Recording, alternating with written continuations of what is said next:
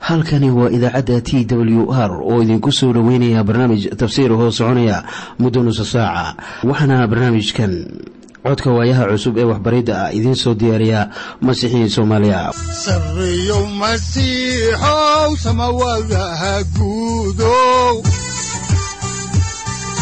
Siraadkii adduunkow subanaha eebow sareyow masiixow samawadaha guudow siraadkii adduunkow subanaha eebow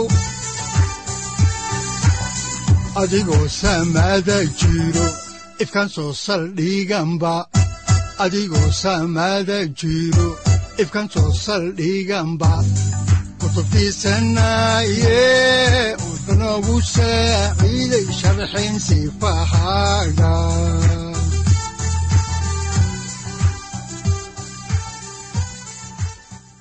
ku soo dhowaada dhegaystayaal barnaamijkeenna dhammaantiinba waxaan horay u sii ambaqaadi doonnaa daraasaadkii la magac baxay baibalka dhammaantii. Waxaannu caawa idiin sii wadi doonnaa kitaabka ahdiga cusub injiilka sida luukas oo u qoray cutubkiisa labaad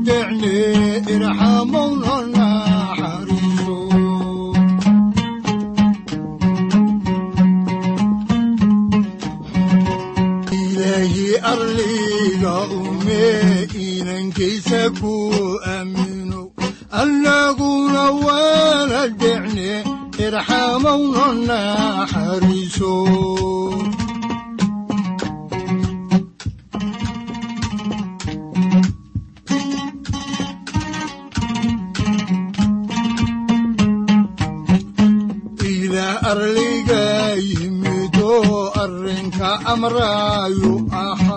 Iminka ayaan ogane irxamowno naxariiso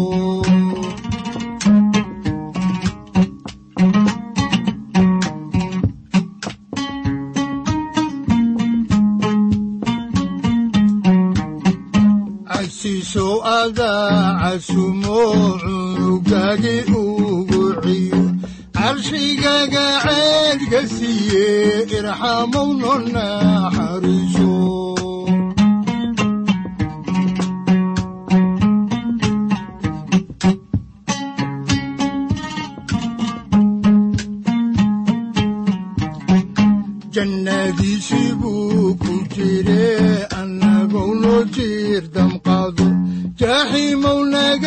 joojiye irxamowno naxariiso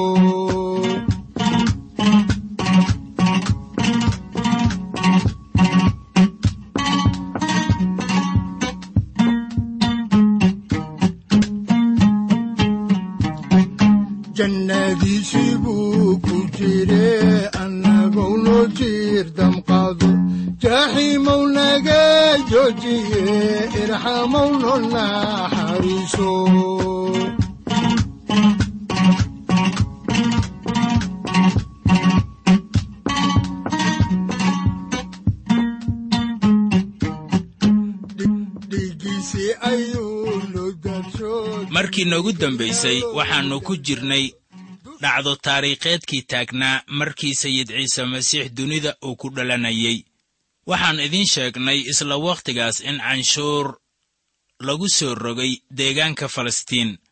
Waxaana boqor ahaa ninkii la odhan jiray kaysar agostos waxa uu doonayey inuu lacag badan u ururiyo boqortooyadiisa haddaan xigashada kitaabka halkaasi ka sii wadno ayaan haatan eegaynaa injiilka sida luukas uu u qoray cutubka labaad aayadaha saddex ilaa toddoba waxaana qoran sida tan.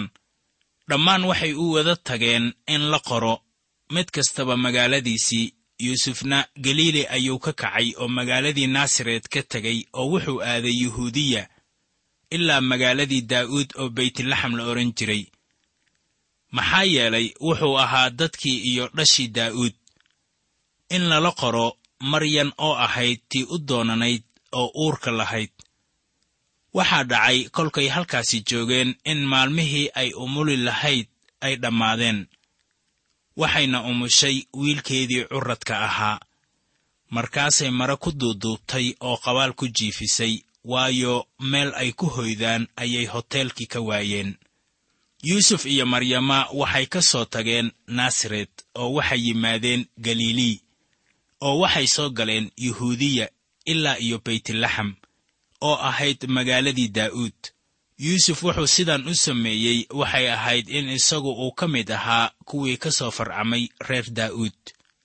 Maxay haddaba maryama iyaduna u aadaysaa beytlaxam iyaduba waxay ka mid ahayd faracii daa'uud waxaase aad ii xamaasad geliya markaa aad akhriso qisadan taariikhiga ah ee ku qoran qidcadan xambaarsan runta rabbaaniga ah. Kaysar agustos wuxuu damcay inuu iska yeelo ilaah. Wuxuuna doonayey in la caabudo wuxuuna ansixiyey sharci lagu ururinayo canshuur taasoo keentay in nin miskiin ah iyo afadii uu qabay ay u soo safraan beytlaxam si ay halkaasi isaga diiwaangeliyaan haweenaydaas ayaa waxay caloosha ku siday wiilkii ilaah taasina waa wax la yaab leh. Markaana kaysar agustos ayaa isku dayey inuu ilaah dadka isaga dhigo. Laakiin haatan ma jiro nin isaga caabuda ama canshuur siiya. Laakiin dhallaanka yar ee maryamo caloosha ay ku siday ayaa dad badani ay cibaadaysi ahaan ku xidhan yihiin oo waxaan ugu yeernaa badbaadiye. Ha yeeshee kaysar agustos wuxuu ahaa shay ku jira gacantii ilaah si uu sabab ugu noqdo in waxyigii miikaah cutubka shanaad aayadda labaad ay rumowdo. Haddaan soo xiganno miikaah oo ka mid ah kutubta axdigii hore baalkiisa kun boqol konton iyo siddeed ayaa qidcadu waxay leedahay sida tan. Laakiinse adigu baytlaxam ifratahay in kastoo aad ku yar tahay kumaankunka reer yuhuudda ah waxaa adiga iga kaa soo bixi doona mid dalka israa'iil taliya ka noqon doona. Kaasoo bixitinkiisu ahaa waa hore iyo tan iyo weligiis. Haddaba qidcadaasu waa mid cajiib ah wax waliba ee dhacay waxaa habeeyey ilaah. Haddii qofi uu ku odhan lahaa kaysar war bal hablaha uurka lehna miyaa guryahooda laga soo wadaa si adiga canshuur lagu siiyo? Ayaan hubaa inuu kaysar ku jawaabi lahaa wax shaqo ah kuma lihi dhallaanka ama hooyooyinkooda. Waxaan keliya oo danaynayaa canshuurta ciidamada anigu aan leeyahay lacagtayda iyo faakihaysigayga. Waa hagaag. Waxyaabahaas oo dhan haatan waa la iloobay macaa kaysar. Ditor lukas wuxuu hoos u aadayaa ama uu sii lafagurayaa markaad eegto qidcadii aan akhrinay wax kastoo dhacay wuxuu leeyahay maryamo wiilkeedii bay mare ku duuduubtay oo qabaal ku jiifisay. Haddaba bal ka fakar sidii uu ku dhashay wiilkan ilaah. War muxuu sida dhallaan caadi ah u muuqday. Ilaah baa jir ahaan uga dhex muuqanaya isaga. Haddaan halkaasi ku ekayno maaddadii hore ayaannu haatan eegaynaa maaddadan kale ee ah qaabilaaddii ciise iyo malaa'igta oo ogaysiinaysa dhalashadiisa adrijirayaal haddaan xigashada kitaabka halkaasi ka sii wadno ayaa waxaa ku qoran injiilka sida luukas uu u qoray cutubka labaad aayadda siddeedaad sida tan. Dalkaas waxaa jiray arijiro bannaanka jooga oo habeenkii idahooda ilaalinaya. Dad badan ayaa baryaha kan dadka weyddiinayaan su'aal ah goormuu ciise masiix dhashay. Haddaba xilligii uu dhashay ma ahayn diraac qabow haddii kale arijirradu habeennimo bannaanka lama joogeen idahooda. Laakiin taariikhda dhalashadiisa ayaa wax micno ah yeelanaynin. Isla sida maalintii isaga la qodbay ay micno u lahayn. Qorniinku inoo sheegi maayo markii la qodbay laakiin tan ahmiyadda leh waxa weeye inuu dhashay. Qorniinku inoo sheegi maayo taariikhdii la qodbay laakiin muhiimaddu waxay noqonaysaa inuu u dhintay dembiyadeenna. Haddaan halkaasi ka sii wadno xigashada injiilka luukos ayaa waxaa ku qoran cutubka labaad aayadaha sagaal ilaa kow iyo toban sida tan. Malaa'igtii rabbiga ayaa istaagtay oo ammaanta rabbiga ayaa iftiimisay hareerahooda. Aad bayna u baqeen markaasaa malaa'igtii ku tidhi ha baqina waayo ogaada waxaan idin keenay war wanaagsan oo leh farxad weyn oo u ahaan dadka oo dhan. Waayo maanta waxaa magaalada daa'uud idinku dhashay badbaadiye oo ah masiixa rabbiga ah. Waa wax xiise leh markaan eegno ilmo gaban ah oo inagu soo biiray markii ay uurka hooyadood ka soo baxaan. Waanad u urdabcaysaa haddaba taasu waa sidii sayid ciise masiix dunida ku soo galay. Wuxuu dunida ku soo geli karay isla sida uu samayn doono markii uu soo noqdo xoog iyo ammaan weyn. Ha yeeshee intii uu xoog iyo ammaan weyn ku soo geli lahaa wuxuu ku soo galay sida ugu itaal yar oo ah sida dhallaan oo kale. Haddaba ninka la yidhaahdo george macdonald ayaa sidan u fasiray imaanshihiisii. Dadka oo dhammi waxay dhowrayeen boqor si ay cadowgooda kaga adkaadaan oo ay u sara maraan. Laakiin adigu waxaad ku timid sida ilmo yar oo markii uu dhalanayay hooyadii kaga oohinayay fooshii haddaba waa sidaase sidii ciise masiix dunida uu ku yimid. Laakiin gadaal iskama dhigin xaaladihiisii rabbaaninimada ahaa. Laakiin ammaantiisii gees buu iska dhigay markaana waa xilligan dhalashadiisi eh. Waxaa meesha joogay arijirayaal fara badan iyo malaa'igo soo dhowaynayay isaga. Markaana waa in wixii ilaah abuuray oo dhaniba halkaasi joogaan. Haddaba intuu ninkaasi kaysar la odhan jiray canshuur ururin lahaa waxaa u wanaagsanaan lahayd inuu dhallaankaasi ka cibaadaysto ciise masiix baa ku qasbi lahaa inuu sidaas yeelo laakiin kuma uusan qasbin wuxuu gees iska dhigay rabbaaninimadiisa laakiin ma ahan derajadiisa sare wuxuuse u dhashay sida isagoo ah dhallaan yar sidiisii haddaan halkaasi ka sii wadno xigashada ayaannu eegaynaa injiilka sida luukas uu u qoray cutubka labaad aayadda laba iyo tobanaad waxaana qoran sida tan oo waxaa calaamo idin ahaan tan. Waxaad heli doontaan ilmo mara ku duuduuban oo ku jiifa qabaal. Haddaba mar kale ayaa ditor luukos uu adkaynayaa aadaminnimadii ciise masiix. Wuxuu dunidan u yimid sida isagoo dad oo kale ah waxaana taabtay dareenka itaaldarradeenna ilaah wuxuu garanayay wax ku saabsan dadka ama bini'aadanka. Wuu ku garanayaa oo anigana wuu i garanayaa wuu ina fahamsan yahay waayo isaguba wuxuu dunida ku soo galay aadaminimo. Waxaa kaloo taasu ay ka micno tahay inaan wax ka ogaan karno qaabkii sayidkeennu ahaa.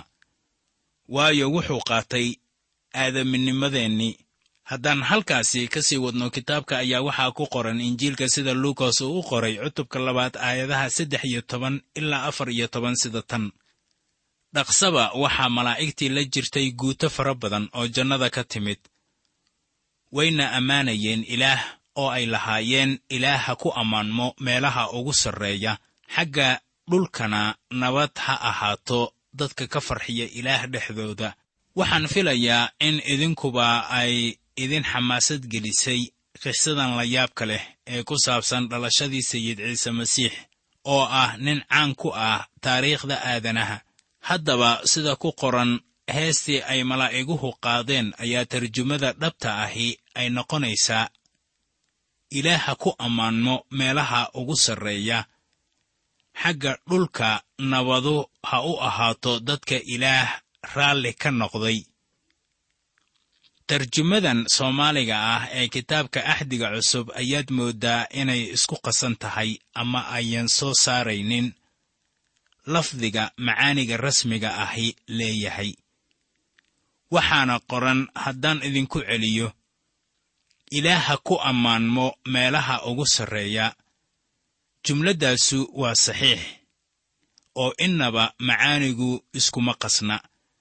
Laakiin dhegayso marka la leeyahay xagga dhulkana nabadu ha ahaato dadka ka farxiya ilaah dhexdooda markaa waan hubaa in idinkuba aad garateen qaladkaasi yar ee ku jira tarjumadaasi.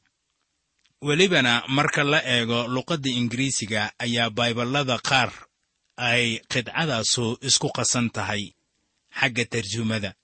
Haddaba malaa'iguhu ka hadli maayaan hadallada nacasnimada ah ee dadku isku yidhaahdo marka midba kan kale ku leeyahay nabadu korkaaga ha ahaato. Waxaanse ku leeyahay saaxib kuwa sharka ahi nabadu uma jirto. Waxaannu maanta nool nahay maalin aynu majarafadaha ka tumanayno seefo waana maalmo shar badan oo innaga oo dhaniba waxaan ku nool nahay duni shar badan. Waxaanan haatan ku jirnaa duni uu shayddaanku maamulo markaana ma jiraan wax nabad ah laakiin kuwa danta ilaah wada nabad bay helayaan. Haddii aad ka mid tahay kuwa u yimid masiixa oo u qaatay sida badbaadiyihiisa adiguba waad garan doontaa nabaddan ilaah. Waxaa ku qoran warqaddii rasuul bawlos uu u qoray dadka rooma cutubka shanaad aayadda koowaad sida tan. Sidaas daraaddeed innagoo xaq laynagaga dhigay rumaysad nabad baynu xagga ilaah ku haysannaa rabbigeenna ciise masiix.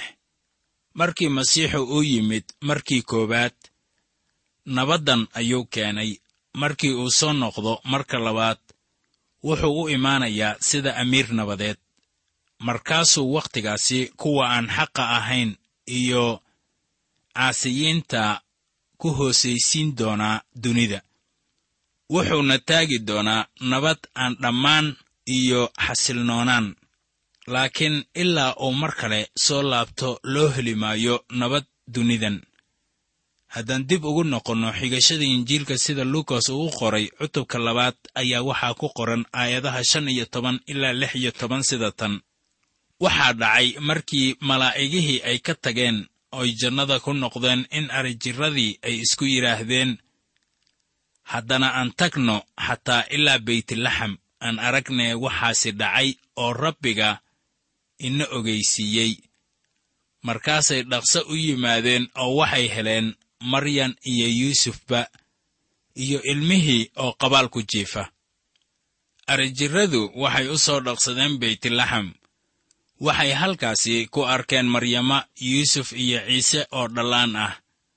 Waxay sida abbaarta ah ahaayeen kuwii ugu horreeyey ee soo booqday dhallaankan maadaama uu matayos inoo sheegay in nimankii xikmadda lahaa ayaan dhaqsiyo ku soo gaadhin dhallaanka ay meesha fog uga yimaadeen.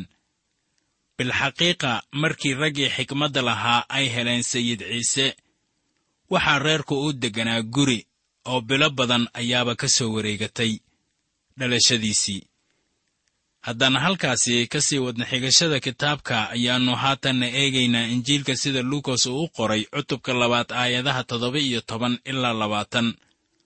Waxaana qoran sida tan. Oo goortay arkeen waxay ogeysiiyeen hadalka ilmahan looga sheegay iyaga. Dadkii maqlay oo dhan ayaa ka yaabay waxyaalihii arijirradu u sheegeen maryanse hadalkaas oo dhan ayay haysatay oo qalbigeeda kaga fakartay. Arijirraduna way noqdeen iyagoo ilaah ku ammaanaya oo ku weynaynaya waxyaalihii ay maqleen oo ay arkeen oo dhan. Sidii iyaga loogu sheegay. Maryama waxay ka fikiraysay waxyaabo badan oo wiilkan ku saabsan oo qalbigeeda ku jira sida hooyo waliba ay samayn lahayd iyadoo ay ugu wacan tahay khatarta noloshiisa. Ayaa maryama iyo yuusuf waxay u kaxeeyeen wiilkii dhulkii masar ilaa iyo wakhti dabeetana way soo laabteen maadaama dhallaanku noqday bashar caadi ah oo uu ku soo dhashay sharcigii muuse ayuu raacay sharciga. Haddaan halkaasi ka sii ambaqaadno xigashada kitaabka axdiga cusub ayaa waxaa ku qoran injiilka sida luukas oo u qoray cutubka labaad aayadaha kow iyo labaatan ilaa laba iyo labaatan sida tan.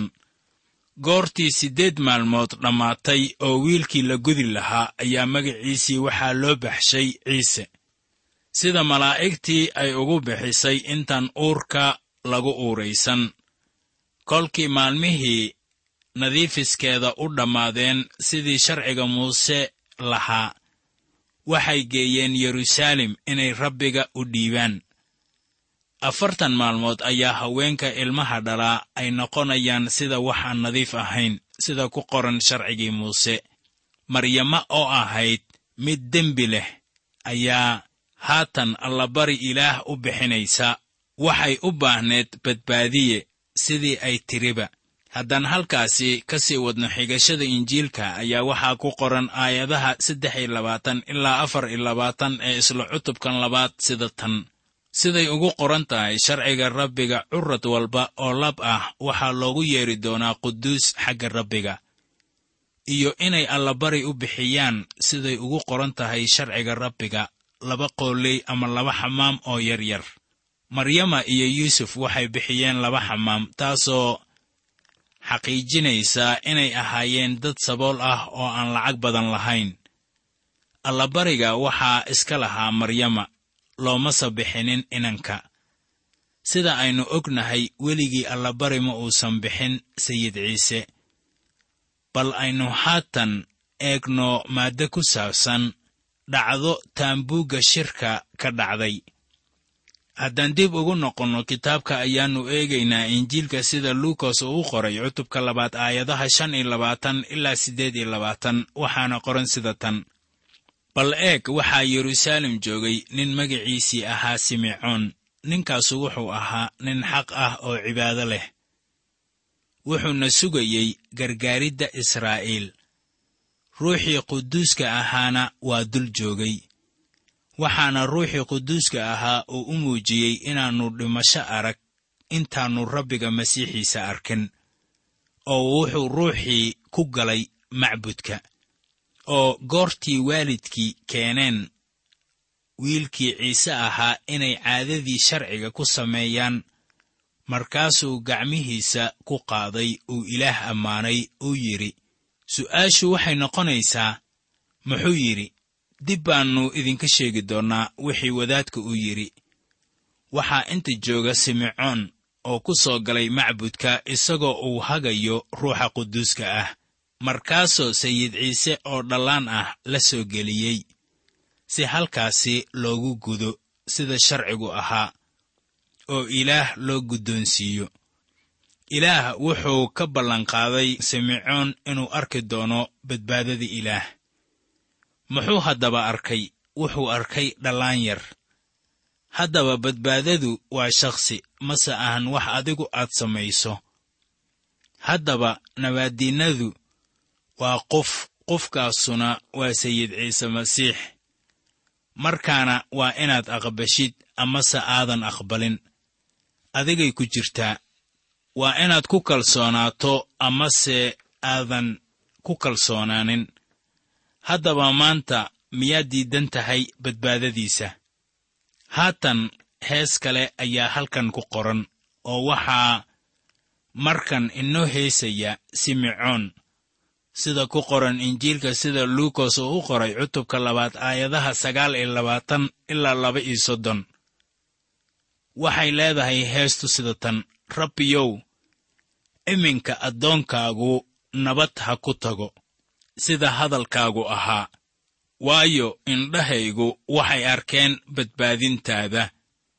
Tan aad dadka oo dhan hortiisa hagaajisay oo ah iftiin qurumaha lagu muujiyo iyo ammaanta dadkaaga israa'iil. Waxaan filayaa inay hagaagsan tahay inaan caawo halkaasi ku hakanno balse habeen dambe ayaannu hadallada qidcadan halkeedii idinka sii wadi doonnaa haatanse aynu ku nasanno qhasiidadan ay inoo qaadaan culimmo masiixiyiin ah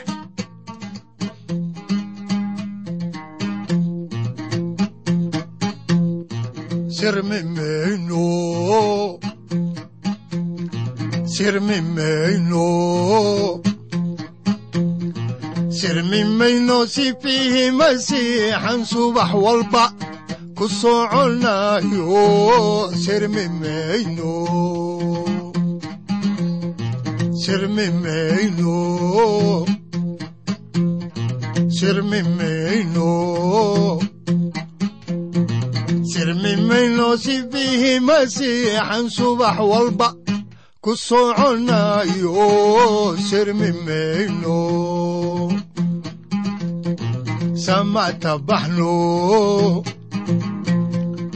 ciise magsiixa na sifeeyo na saaciidayo sami mayno samata baxno ciise masiixa na sifeeyo na samaxayo samata baxnay samata baxno ciise masiixa na sifeeyo na samaxayo samata baxnay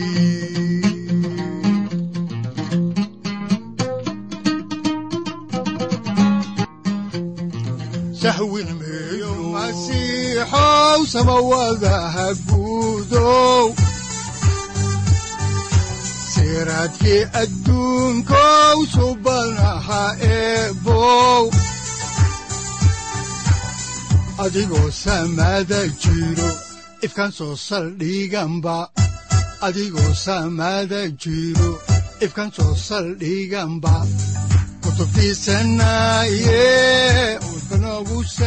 halkani waa t w r idaacadda t w r oo idinku leh ilaa ha idin barakeeyo oo ha idinku anfaco wixii aad caawi ka maqasheen barnaamijka.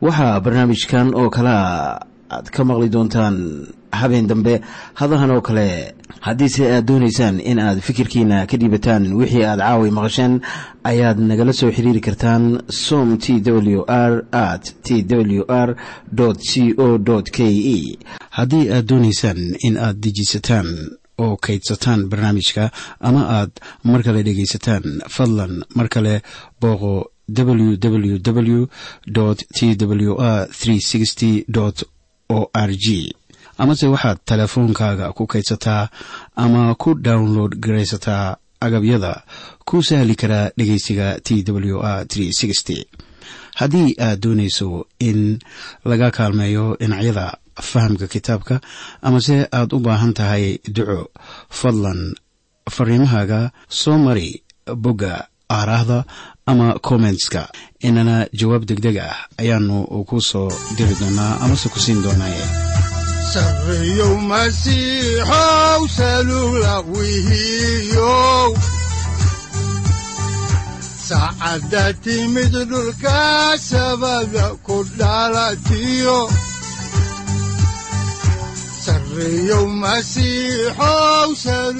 halkani waa t w r oo idiin rajaynaya habeen baraare iyo barwaaqaba leh inta aynu ka gaari doono wakhti aynu ku kulanno barnaamij la mida kan caawayay aad maqasheen. Waxa aan idinku leeyahay nabadda ciise masiix ha idinku badato xagga jidhka iyo ruuxaba. Aamiin